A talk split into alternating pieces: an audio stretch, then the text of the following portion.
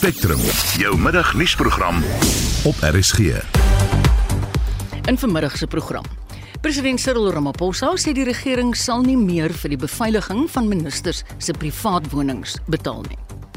Daar's nog net 'n paar dae oor om kommentaar te lewer op die voorgestelde wysigings aan die skolewet. En die isiMangaliso Vlei-landpark in KwaZulu-Natal beklemtoon opnuut die belangrikheid van begeleide oes van inheemse gras nadat 'n seekoei 'n vrou doodgemaak het. Die redakteur vandag is Joan Marie Verhoef, produksieregisseur Johan Pieter sê ons almal sê goeiemôre, baie welkom. Ek is Marieta Kreer.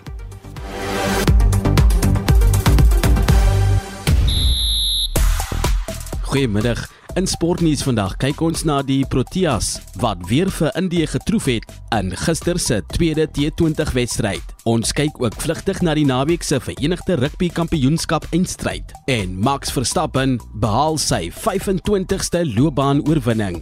Meer hieroor bietjie later. Ek is Christo Gawie vir RSG Sport. En ek is Marlene Forsie, ek hou die sosiale media platforms dop.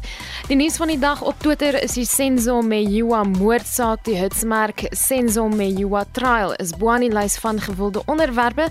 Ek sien ook is op elke TV-skerm hier in die nuuskantoor. Bietjie later hou ons jou op hoogte daarvan. En dan kan gebruikers ook nie uitgepraat raak oor die Grand Grand Prix in Azerbaijan nie, die hitsmerk daar Azerbaijan GP.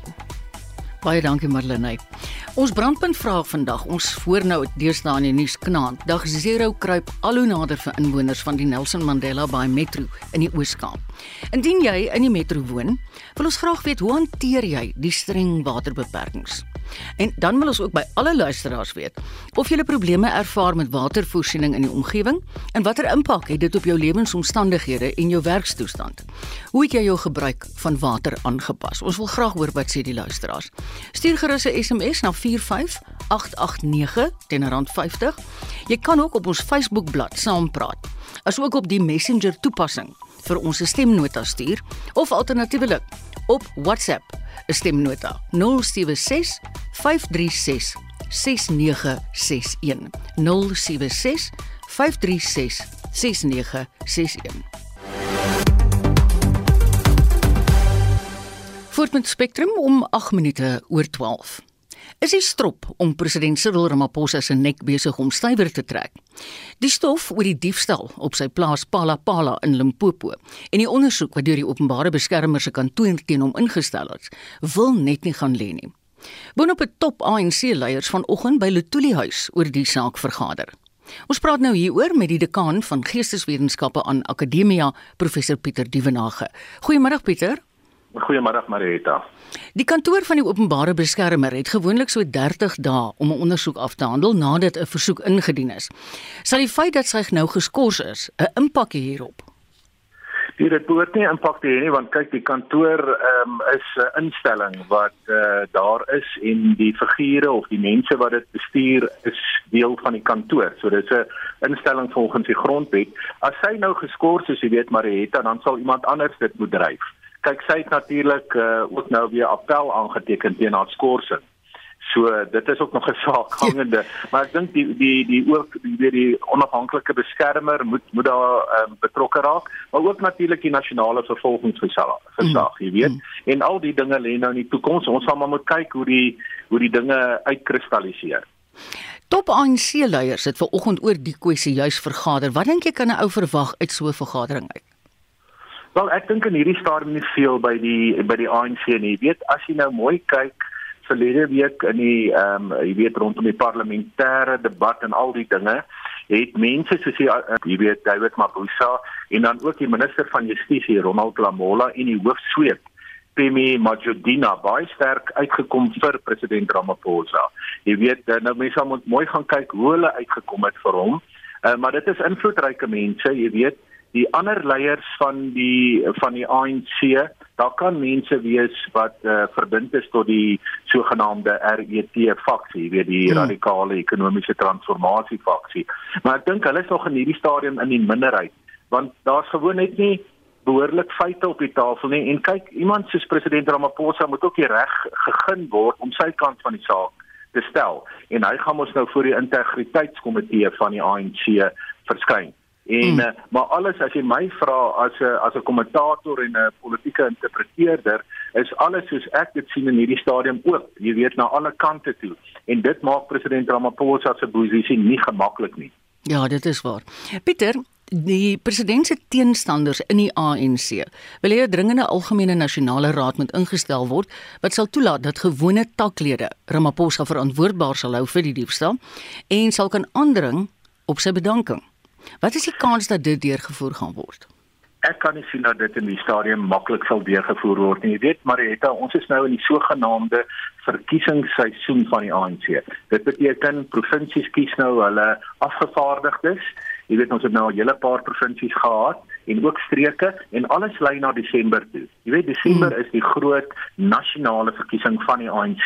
Ek dink nie so buitengewone verkiesing van mense vanuit die takke sal nou kan plaasvind nie. Dit dit is op die langer termyn. Ek dink eerder hierdie RET mense oor die faksie teen president Ramaphosa sluit nou hulle tande uh met die oog op Desember. Jy weet hulle het daarom nou genoeg tyd om te monster.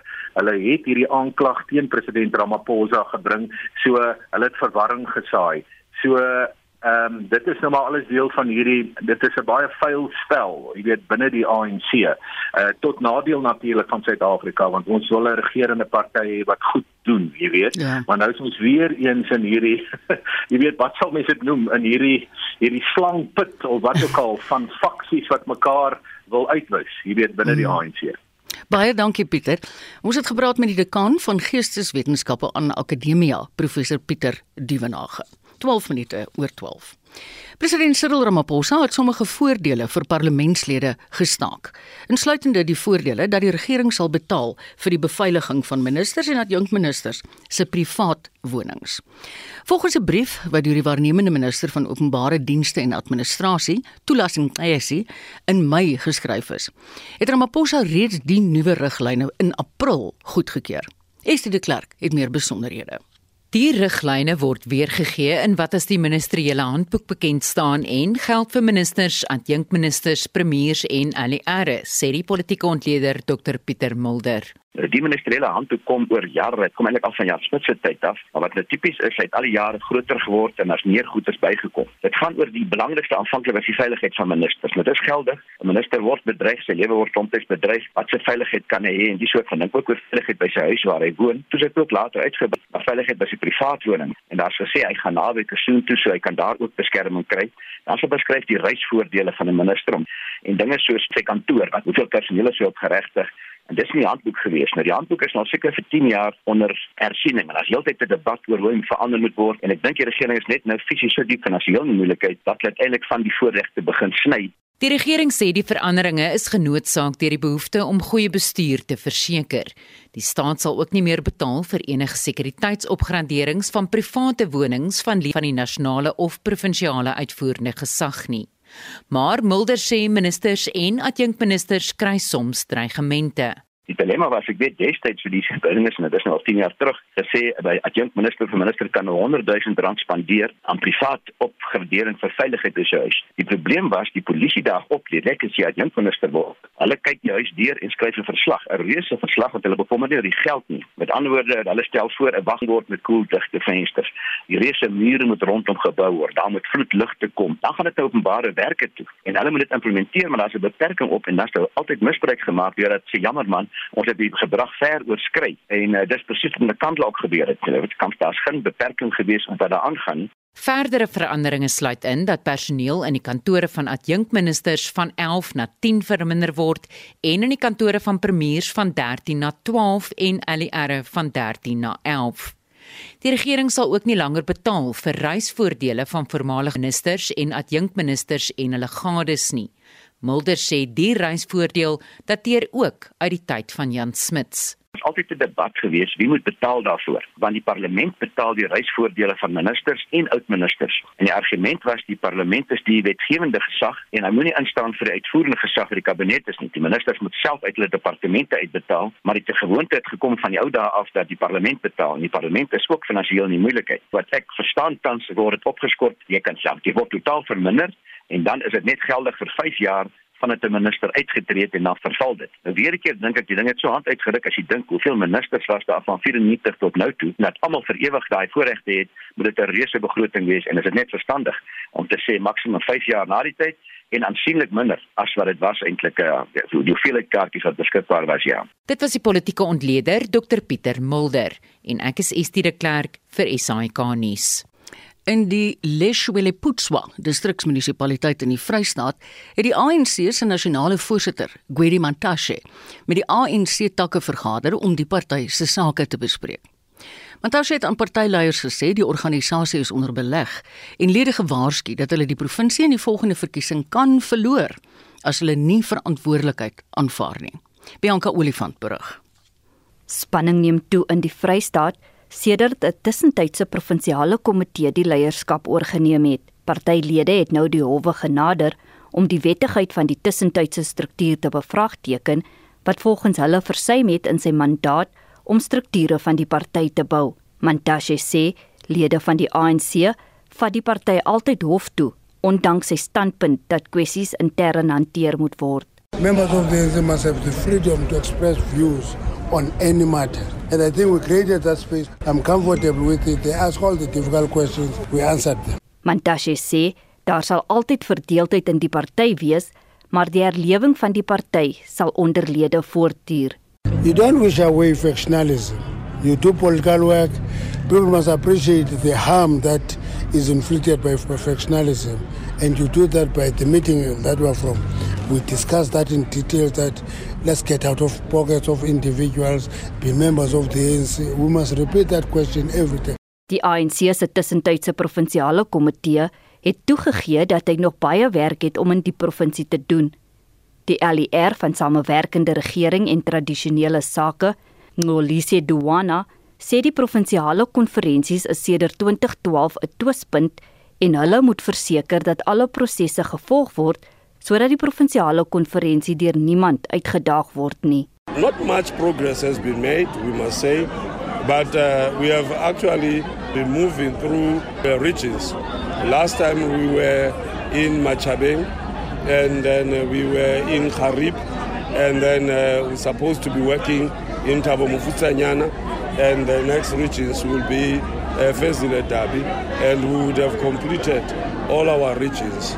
And will be those that we have not done much but uh, many in terms of establishing these structures we are a bit struggling because of the membership. Die ANC se LER van Samewerkende Regering en Tradisionele Sake, Mkolise Duwana, die verslag deur Kamogelo Sekoi in Welkom. Ek is Bianca Olifant vir SAK nuus. 12:18. Suid-Afrikaners het tot Woensdag kans om kommentaar te lewer op die voorgestelde wysiging aan die skolewet. Daar is veral kommer oor die voorstelle wat beheerliggame betref. Die nuwe wetgewing vereis dat lede hulle finansies verklaar. Vir meer hieroor praat ons met die uitvoerende hoof van die Federasie van Beheerliggame van Suid-Afrikaanse skole, Jaco Deeken. Goeiemôre Jaco. Goeiemôre Marita. Presies wat behels hierdie wetgewing oor beheerliggaamslede?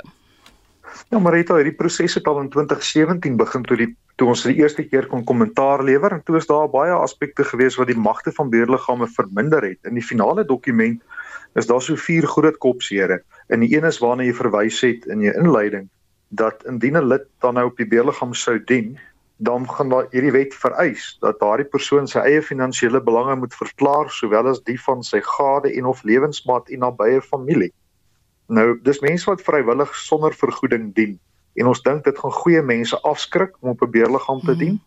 Die doel is om te keer dat uh, daar nou korrupsie en wangedrag is, is daar bestaande artikels in die wet wat reeds daarvoor gebruik gaan word. Dis die eerste bekommernis.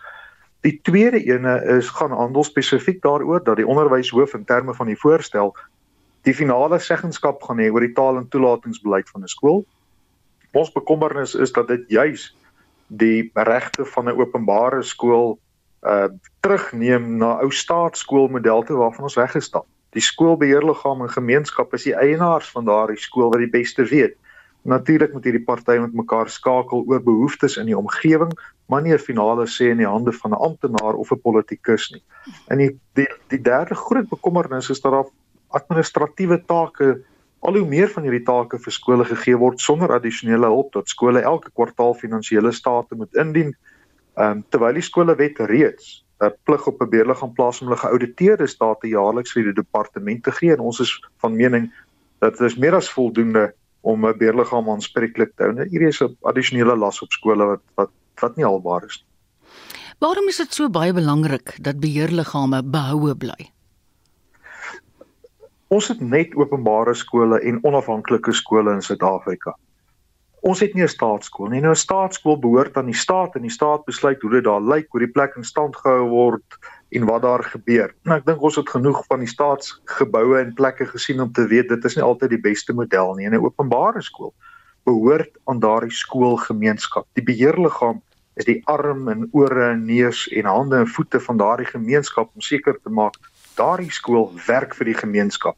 En die oomblik wat ons daardie magte begin wegvat, dan gaan skool die omliggende gemeenskappe sê, "Hoekom moet ons by die skool betrokke wees as die staat in elk geval alles gaan sê?" En dit is ons direkte inspraak as ouers hmm. om te kyk na die kwaliteit van ons kinders. 'n Hele paar keer in die verlede het die LER vir onderwys hierso in Gauteng, Panjasa Lesofie, al keel skoon gemaak oor Afrikaanse skole en ook oor die demografie in skole. En ons het dit onlangs gehad met die taalmonument en Natem Tetwa die minister.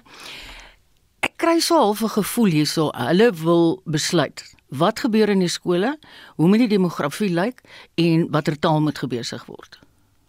Nee, verseker Marita, die die die boodskap is nie dat ons lief is vir Afrikaans nie. Die boodskap is Afrikaanse mense, julle taal is onder beleg en ek dink dit is ook die bril waarmee baie van ons die skolewet dan nou lees. As daardie LER of as daardie onderwyshoof besluit maar alles word Engels, dan dan is onderwys 'n geweldige gevaar. Jy weet, op mm. gemiddeld, ehm um, een uit elke 20 skole is dalk Afrikaans. So 'n Afrikaanse ouer het eers 'n keuse as daar 40 skole is, dan kan ek begin kies tussen twee Afrikaanse skole.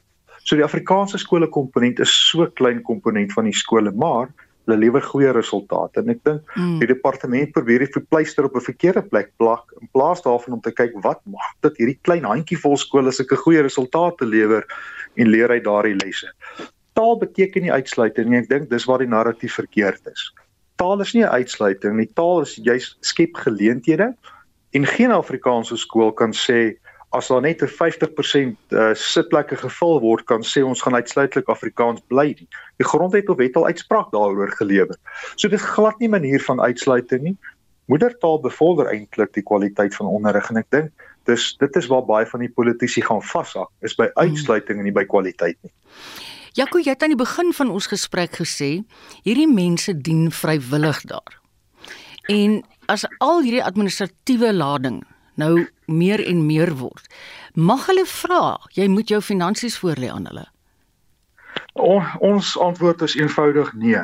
Die enigste keer wanneer dit dalk moet of kan gebeur is as ek dalk besigheid met die skool doen, maar dan sê die skolewet ek kan nie die besluit neem oor op die beheerliggaam wees as daar 'n besluit daaroor geneem word nie. Ek moet myself gaan verskoon. Maar dis meer die uitsondering. Ek dink waar skole weet waar korrupsie plaasvind, hmm. is waar daar samespanning gaan wees tussen die bestuur en tussen die beheer en daar's meganismes om daarna te kyk. Um ongelukkig hmm. die departement van kyk baie keer dien skole waar dit goed gaan en hulle is te bang om by skole uit te kom waar dit sleg gaan en dan moet hulle iets doen. Hmm. Dit is baie waar wat jy nou gesê het. Het jy enige raad aan mense wat nog wil kommentaar lewer op die wetsontwerp? Ons het nou gesê dit verstryk hierdie week. Ja, Marita, dis 4 uur komende Woensdag is die sperdatum uh, vir kommentaar. Nou 2017 se dokument het bietjie gelyk na 'n slagveld en daar het soveel openbare kommentaar ingekom dat daar's wesenlike veranderinge aangebring. So ons stem tel regtig. En ek dink uh, ons het nou 'n laaste geleentheid voor die parlement nou moet besluit hoe die ding gaan lyk. Op FETSA se webblad is daar nou 'n skakeltjie Bellap, dis nou die Engelse afkorting vir hierdie wet waar waar die wet en die memorandum en al die kontakbesonderhede is waartoe dit gestuur kan word. Die hmm. departement het ook 'n Google Drive waar aanlyn kommentaar gelewer kan word en 'n WhatsApp nommer waartoe kommentaar gestuur kan word.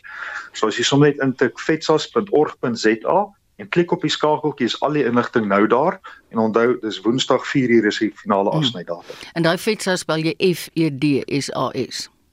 Daar's hy. Goed. Alle ouers wat nog nie deelgeneem het aan hierdie gesprek nie, asseblief gaan net na Vetsas se webwerf en dan daar is 'n skakel met die, die naam B E L A Bella Dis die afkorting van hierdie wet en dan kan jy daar jou opinie lig. Baie dankie. Jaco Deken is die voorsitter en die uitvoerende hoof van die Federasie van Beheerliggame van Suid-Afrikaanse skole. Die suidwestelike deel van die Nelson Mandela Bay Metro het nou reeds 2 weke lank nie behoorlike water toevoer nie. Die Impofu en Churchill damme kan boonop slegs enkele dae se water aan inwoners voorsien. Die DA se woordvoerder vir infrastruktuur en ontwikkeling in die Nelson Mandela Bay Metro, Dries van der Westhuizen, het die situasie vroeër uiteengesit. Van verlede Dinsdag af is daar baie van ons woonbuurte wat nou maar hulle water moet gaan haal by waterstrokke as hulle nie self water tanks in hulle jaar het nie. Die Impofu dam is ons grootste dam en is een van ons hoofwatertoevoerstelsels. In 'n redelike lang paar maande terug het die vlak van die water so laag gedaal dat dit is onder die inlaatstelsel van die dam sodat ons die water kan onttrek. Die munisipaliteit het 'n drywende pompe op die water gesit om die water te pomp in die inlaatstelsels in, maar verlede week het die vlak van die dam so laag gedaal dat ons kan nie meer daai pompe gebruik nie. Die Churchill dam is op dieselfde lyn as die Impofu en daai dam is ook nou onder 10%. Ons praat al vir baie maande lank oor dag 0 vir die Nelson Mandela Metro en dit is juist as hierdie twee damme nou al twee nie meer water kan verskaf nie sit ons met ten minste 109 woonbuurte wat nie water deur hulle pype kan kry nie. Van der Westhuizen sê dis net 'n kwessie van tyd voordat almal in toue moet staan vir water. Wel in die kort termyn kry die metro 'n bietjie water van die Kouga dam. Nou die Kouga dam word deur die Gamtoos besproeiingsraad beheer en hulle kan vir ons nou 'n bietjie water gee slegs omdat hulle hulle water so goed bestuur het oor die laaste paar maande of jare. Die Kouga dam is nie so groot soos die Churchill en die Bolfonie so kan nie vir ewig vir ons water gee nie. So as die twee damme opraak, dan gaan die mense maar moet in tou staan. Die munisipaliteit is besig om gemeenskaplike krane in gedeeltes van die woonbuurte in te sit. So dit beteken dat inwoners sal maar elke dag in 'n tou moet gaan staan en hulle 50 liter 'n dag water gaan haal. Hy sê die metro se huidige plan om verligting aan inwoners te bied is onprakties. Volgens die munisipaliteit se reëls sal jy jou eie water moet gaan haal. Jy kan nie vir jou vrou of jou kinders gaan haal nie. Dit beteken almal gaan in die tou moet kom staan. Dit is heeltemal onprakties eintlik. Dink kinders moet skool toe gaan, mense moet gaan werk. So ons sal maar moet sien wat gaan hier uitkom.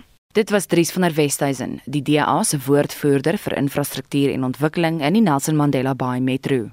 Ek is Jean Marie Verhoef vir SAK nuus. Die isiMangaliso Vlei Land Park in KwaZulu-Natal beklemtoon opnuut dat inwoners saam met die park moet werk wanneer hulle inheemse gras in vlei lande oes. Dit volg op die dood van 'n 59-jarige vrou tydens 'n seekoei aanval die afgelope naweek. Marlenae Forsie berig. Die gras ter sprake is Inema. Nou dit word gebruik om die streek se kenmerkende grasmaatjies te maak vir eie gebruik en om aan toeriste te verkoop. Dit groei egter in water wat bewoon word deur krokodille en seekoeie. Volgens die park se woordvoerder, Bekkie Maninzi, doen hulle baie werk om voorvalle soos die te verhoed. We already had had two meetings that covered the surrounding communities and basically there are also in member community leadership groups that organizes the community. So we had already spoken to them to warn them about the dangers because there is high water level to the recent rainfalls that we experienced in KwaZulu-Natal and along the coast. Hy sê hulle was dus verbaas toe hulle die nuus ontvang.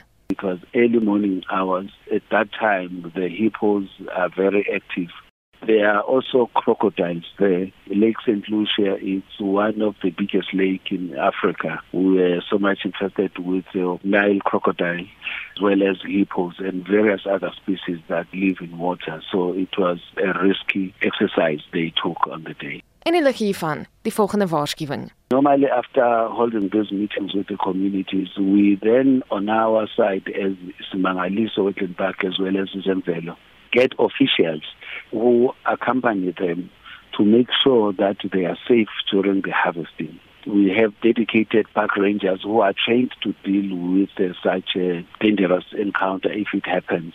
We always make sure that where we're taking them for harvesting, it's safe to do so. Die oorlede vrou en die twee ander wat saam met haar was, het Inema gaan oes sonder die beskerming van 'n wildbewaarder. Maninzi sê Isimangaliso en Isimvelo betoon medelee met die vrou se familie en sê hulle gaan voort om saam met die gemeenskappe te werk. We understand there's high unemployment in our communities. So some of them, they survive out of harvesting the cinema and go and make, be it from other stuff that they sell to the tourists. That's why we always prefer that they would follow those channels, which is a coordinated channel that ensures their safety, as well as practicing the safe way of harvesting without even causing harm to the environment and to themselves. Dit was die woordvoerder vir die Isimangaliso Flyland Park, Bekkie Maninzi. Marlene Forsie is hy gaan nuus. Jy luister na Spectrum. Elke weekmiddag tussen 12 en 1. 12:31. In die tweede deel van ons program vandag, ons kry die jongste oor 'n rooftog en skietery in Melville in Johannesburg vanoggend. En oorstromingskade wat in April en Mei in KwaZulu-Natal aangerig is, beloop miljarde rand maar hulp vir slagoffers kom sowaar van uit alle oorde. Ons nooi jou bly gerus ingeskakel.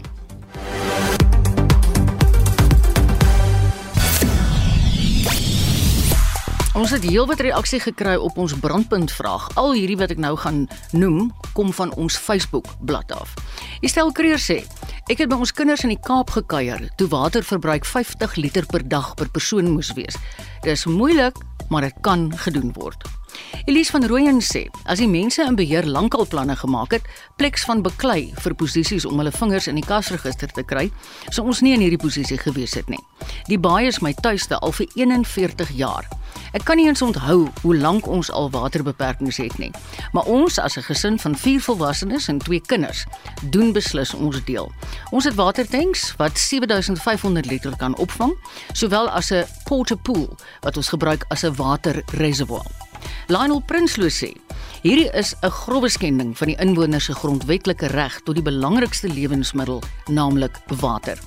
En met Chrissy van der Merwe sluit ons af. Sy sê: "Ek het innige meegevoel met hulle. Was vir 12 dae sonder lopende water na die oorstromings in KZN. Die gesukkel maak jou dankbaar as dit weer normaal is. Sterkte aan almal daar."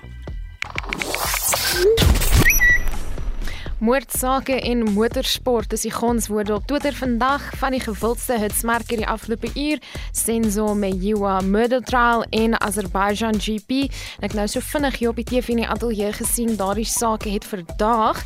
So binnekort het ons 'n bietjie meer inligting daaroor. En vandag het Christo Gawie vir ons die jongste sportnuus. Goeiemiddag, ons begin met cricket vandag. Die paltjie wagter Kolwer Heinrich Klasen het 81 van 46 balle gemoker om Suid-Afrika se moeilike jagtog te lei toe hulle Indië gister met 4 paltjies in die tweede T20 wedstryd geklop het. Suid-Afrika se bowlers onder leiding van die spoedvraat Rabada het geseëvier nadat hulle Indië eerste ingestuur het en beperk het op 148 vir 6. Met 149 vir 'n oorwinning op 'n warm en vogtige dag, het Suid-Afrika hulle teiken in 18.2 bilbeerte bereik en loop nou voor in die reeks van 5 wedstryde met 2-0. Die derde wedstryd word môre in Visakhapatnam beslis. In rugby was dit vir die meeste Suid-Afrikaanse rugbygeesdriftiges waarskynlik net 'n droom dat twee plaaslike spanne in die eindstryd van die Verenigde Rugby Kampioenskap sou meeding, maar daardie droom is nou 'n werklikheid. Die afrigter van die Stormers, John Dobson, sê dat die Bulls se onverwagte maar uitstaande sege oor Leinster Vrydag aand met 27-26 die druk op sy span aansienlik vergroot het vir die halfeindstryd wat hulle ook Saterdag gehad het en ook geseëvier het met 17-15 oor Ulster. Dobson sê die Bulls het hulle iets massief gegee om voor te speel.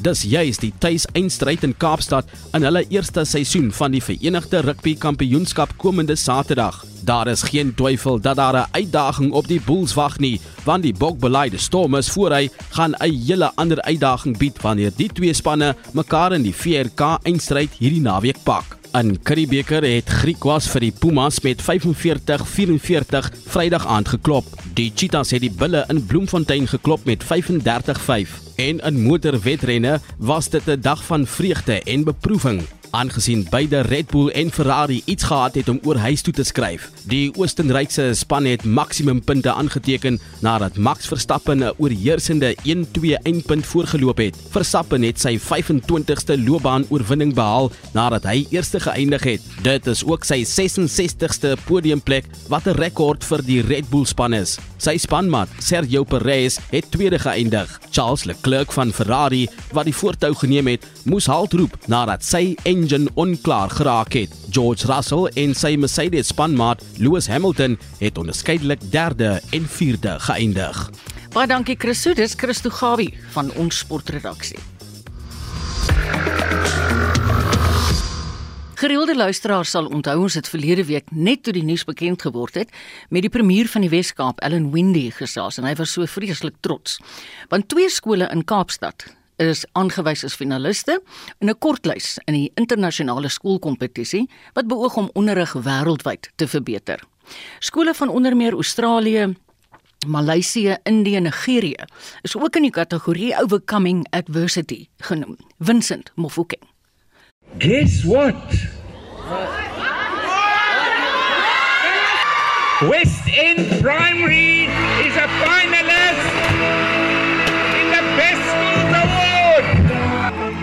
West End Primêr is geleë in 'n gemeenskap wat getuister word deur misdaad, bendegeweld en armoede.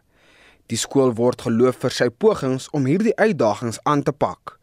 Die Wes-Kaapse premier, Allan Windy, sê hulle het 'n baken van lig geword in die gemeenskap. I think something that stood out for me is that this school has not been vandalized or broken into for 10 years. Now that says something.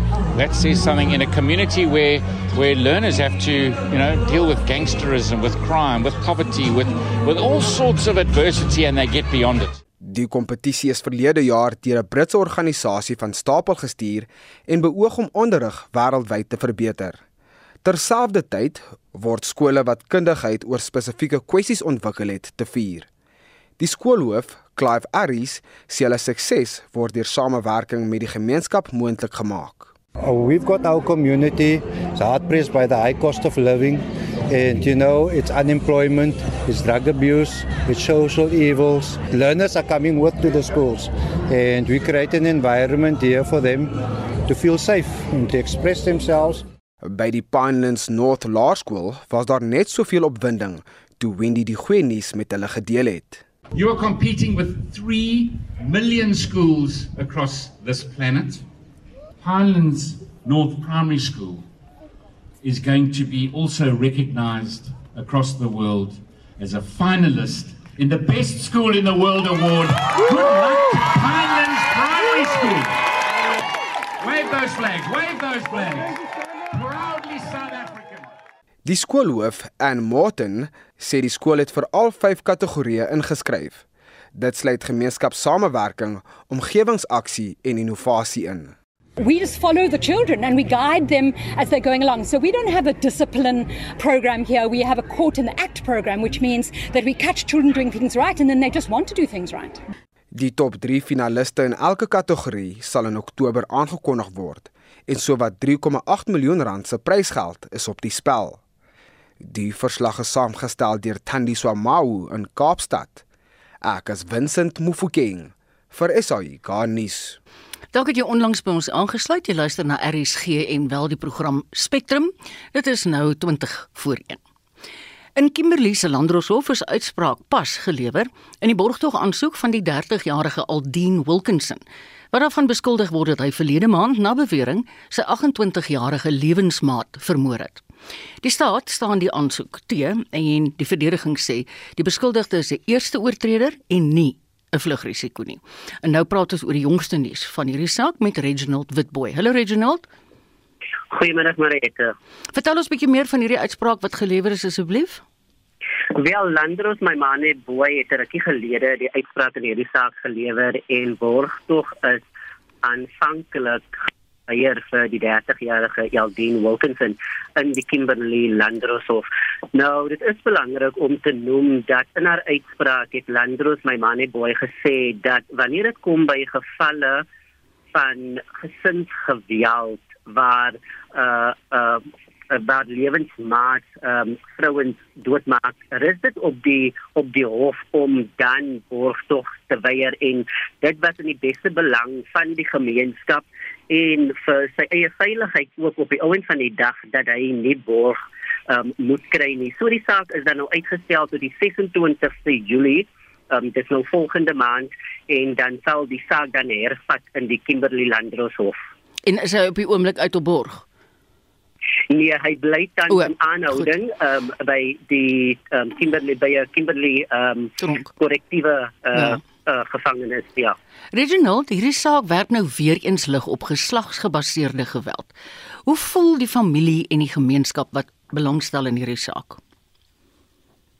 Wel maar jy en ek sal weet dat gesinsgeweld um, problematies is um, op hierdie huidige oomblik. En dit is nie iets wat um, van gister al af aankom nie. En dit is, is ook duidelik in die hof en en dit is ook wat um, Landros my manie boy gesê het dat ehm um, gesake van gesinsgeweld het 'n negatiewe impak op die op die regstelsel maar in hierdie um, spesifieke saak het sy gesê dat ehm um, die staat het 'n prima facie case um, teen die beskuldigde 'n saak wat dan nou ehm um, wat twyfel um, sterk is teen die beskuldigde.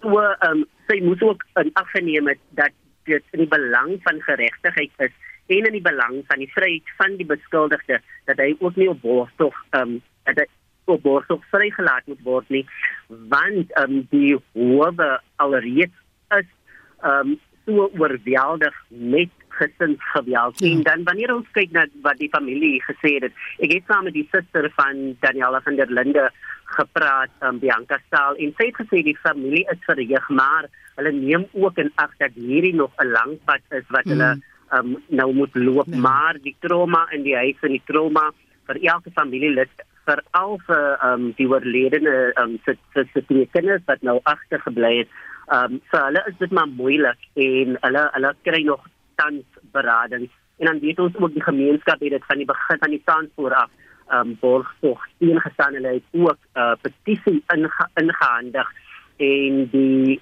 landros het nie al daarvan gemaak dat ehm um, hierdie hierdie saak assisteer nie net die familie nie maar die gemeenskap in sy geheel mm. ook. So Elgin bly in aanhouding tot 26 Julie. Ons sal dan um, hoor Goed. of die saak dan weer uitgestel gaan word en wanneer um, die die die saak dan nou um, of na 'n uh, uh, Hooggeregshof. Uh, Hooggeregshof ja um oorgeneem sal word. Baie dankie Reginald. Een ding dit is aanbreed aardig. Dit was ons verslaggewer in Kimberley in die Noord-Kaap, Reginald Witboy. Die onkoste van die vloedskade wat in April en Mei in die provinsie aangerig is, beloop 25 miljard rand. Die KwaZulu-Natalse premier Sigle Zikalala het by 'n media-konferensie gesê infrastruktuur, landboubedrywighede en die vervaardigingssektor is erg deur die skade geraak. Is dit doen weer verslag. Die regering beplan om meer as 300 tydelike wooneenhede in die Eshongeni gebied op te rig. Sikelala sê terwyl tydelike maatreëls in plek gestel word, is dokumente aan die nasionale tesourie oorhandig vir die goedkeuring van rampbefondsing. The cost of the flood damage is officially at 25 billion affecting infrastructure network, manufacturing and agriculture. The impact of the floods on eThekwini has been massive and we believe that while we attend to the entire province, we should speed up our response in eThekwini. Sikalala sê die beskikbaarheid van grond om huise vir slagoffers van die vloede op te rig is 'n uitdaging. Land has become a huge stumbling block to the disaster intervention. We need to debate if existing laws and regulations should not, for the future during disasters, be amended to include the expropriation of land through a swift process. Our laws and bylaws are meant to facilitate recovery and should not in emergencies and life and death situation serves as an impediment. Hy het twee tydelike woonhuise aan slagoffers oorhandig. Sheisile Zulu en Tembekile Kratekile is verheug oor die bystand van die regering. endikubongayo mna ndikubonga lokhu ukuthi I really appreciate the intervention of the government. I'm really happy. I'm really happy today. Inkosi njemba isike kule mbadada yayo isandla sayo iqhubeka ngendlela eyenze ngayo.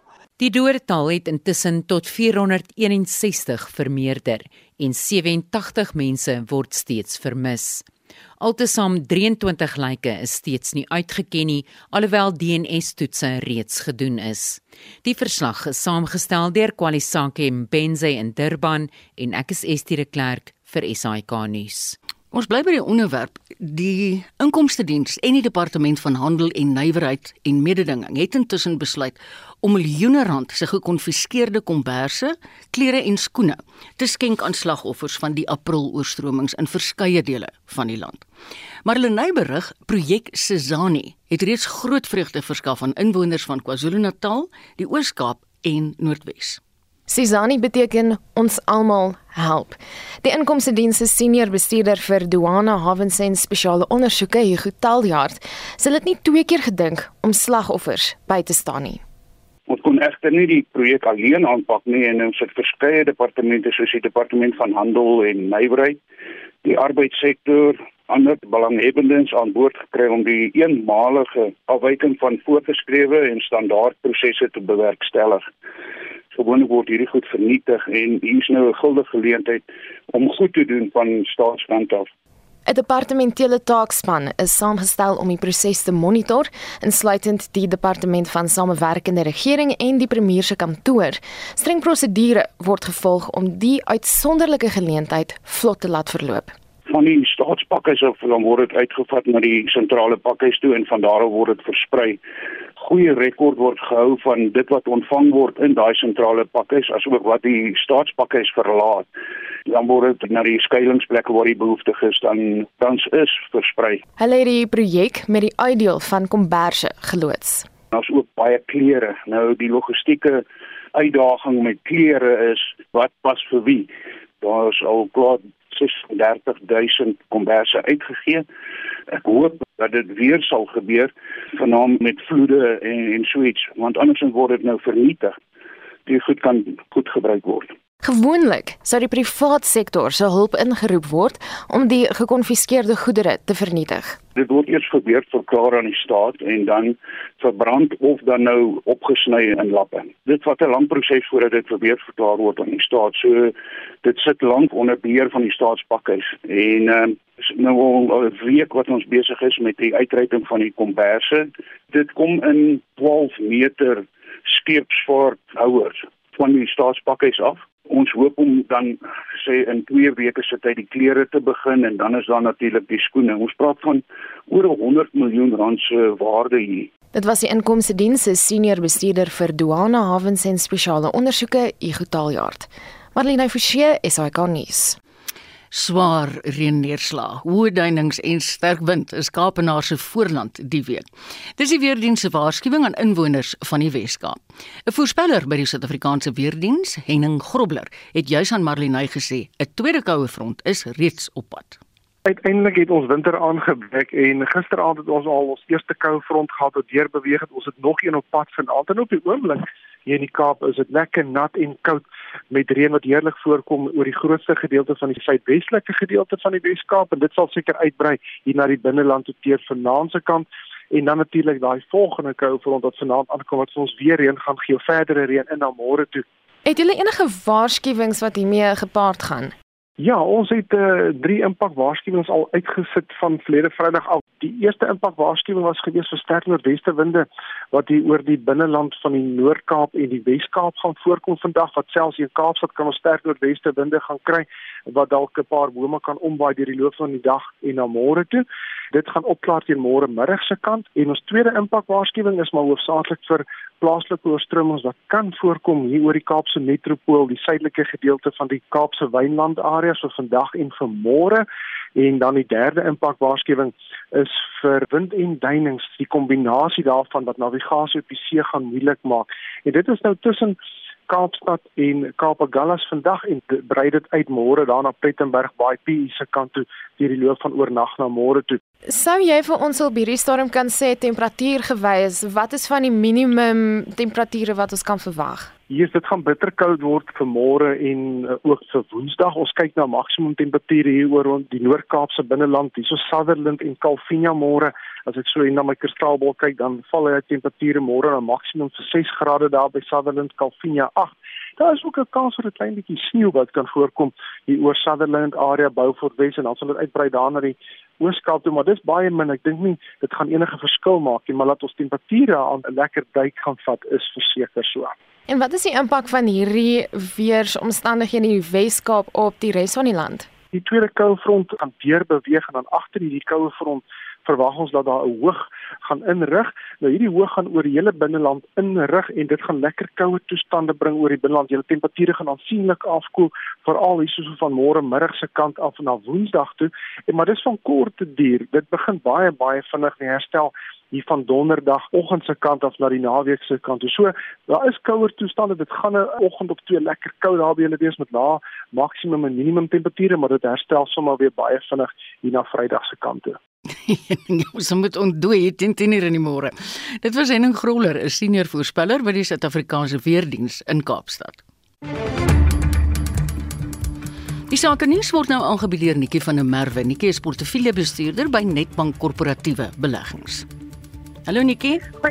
Goeiemôre Marita en luisteraars. Wêreldmarkte is hard geslaan met die Amerikaanse inflasiesyfers wat hoër as verwagting uitgekom het op Vrydag. As ons kyk na Asië, sien ons die Hong Kong Hang Seng verswak met 3,4%. Die Japannese Nikkei is laer met 3% en die Suid-Afrikaanse Jonier het vandag gesluit.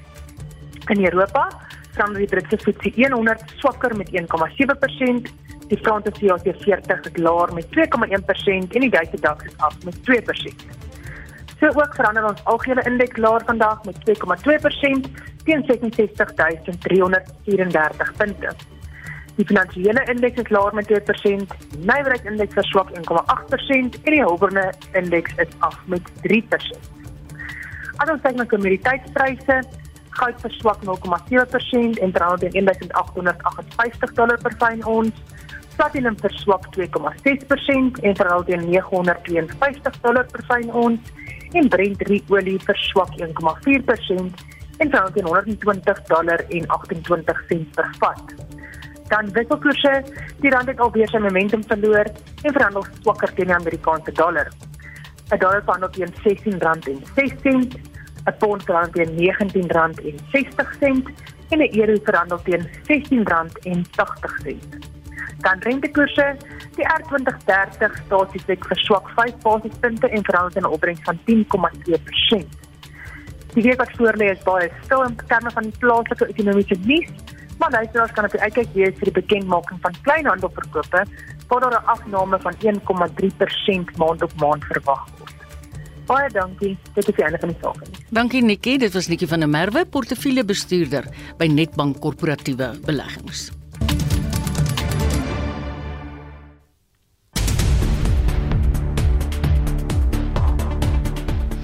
Estie het vir ons die nuus en ontwikkelende stories dopgehou en ons praat nou met haar. Hallo Estie. Hallo Marita.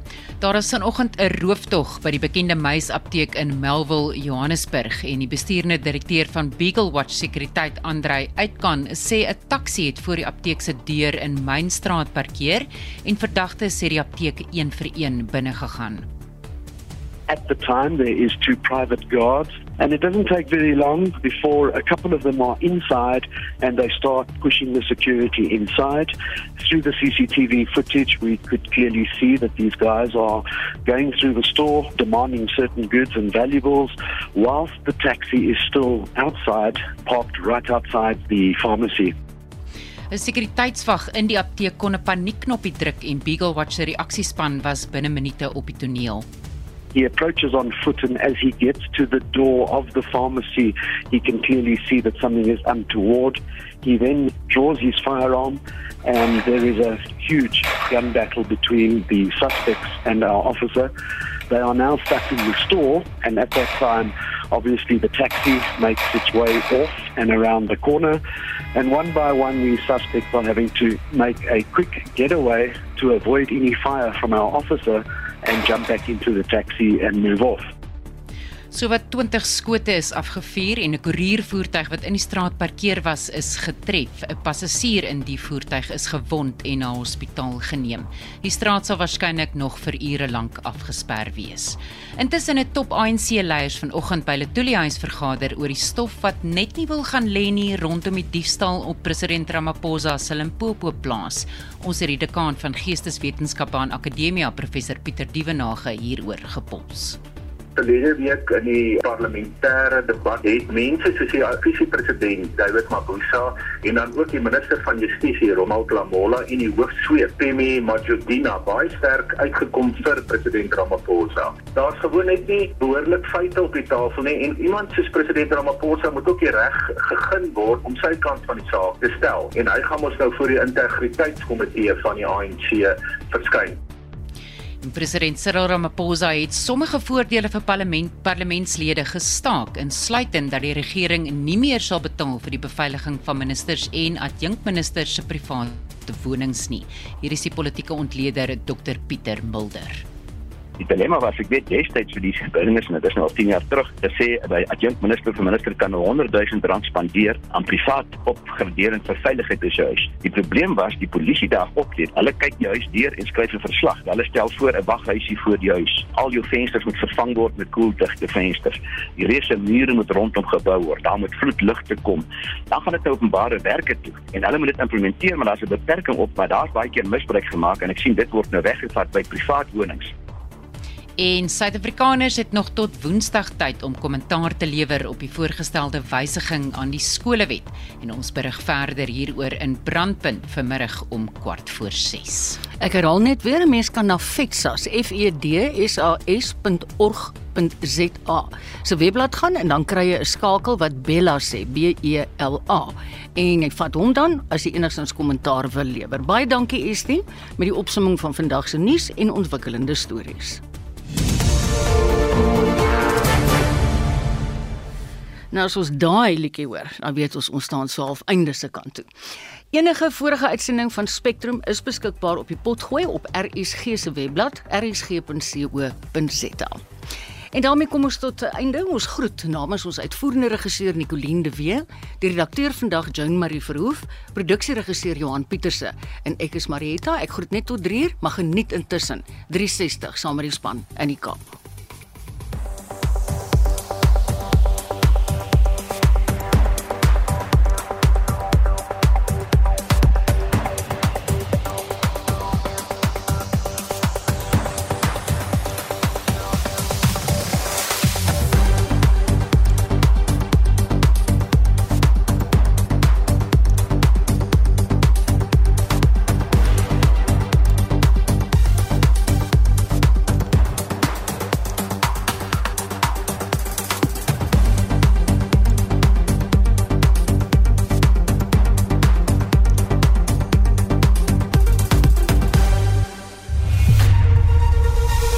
SAK nuus.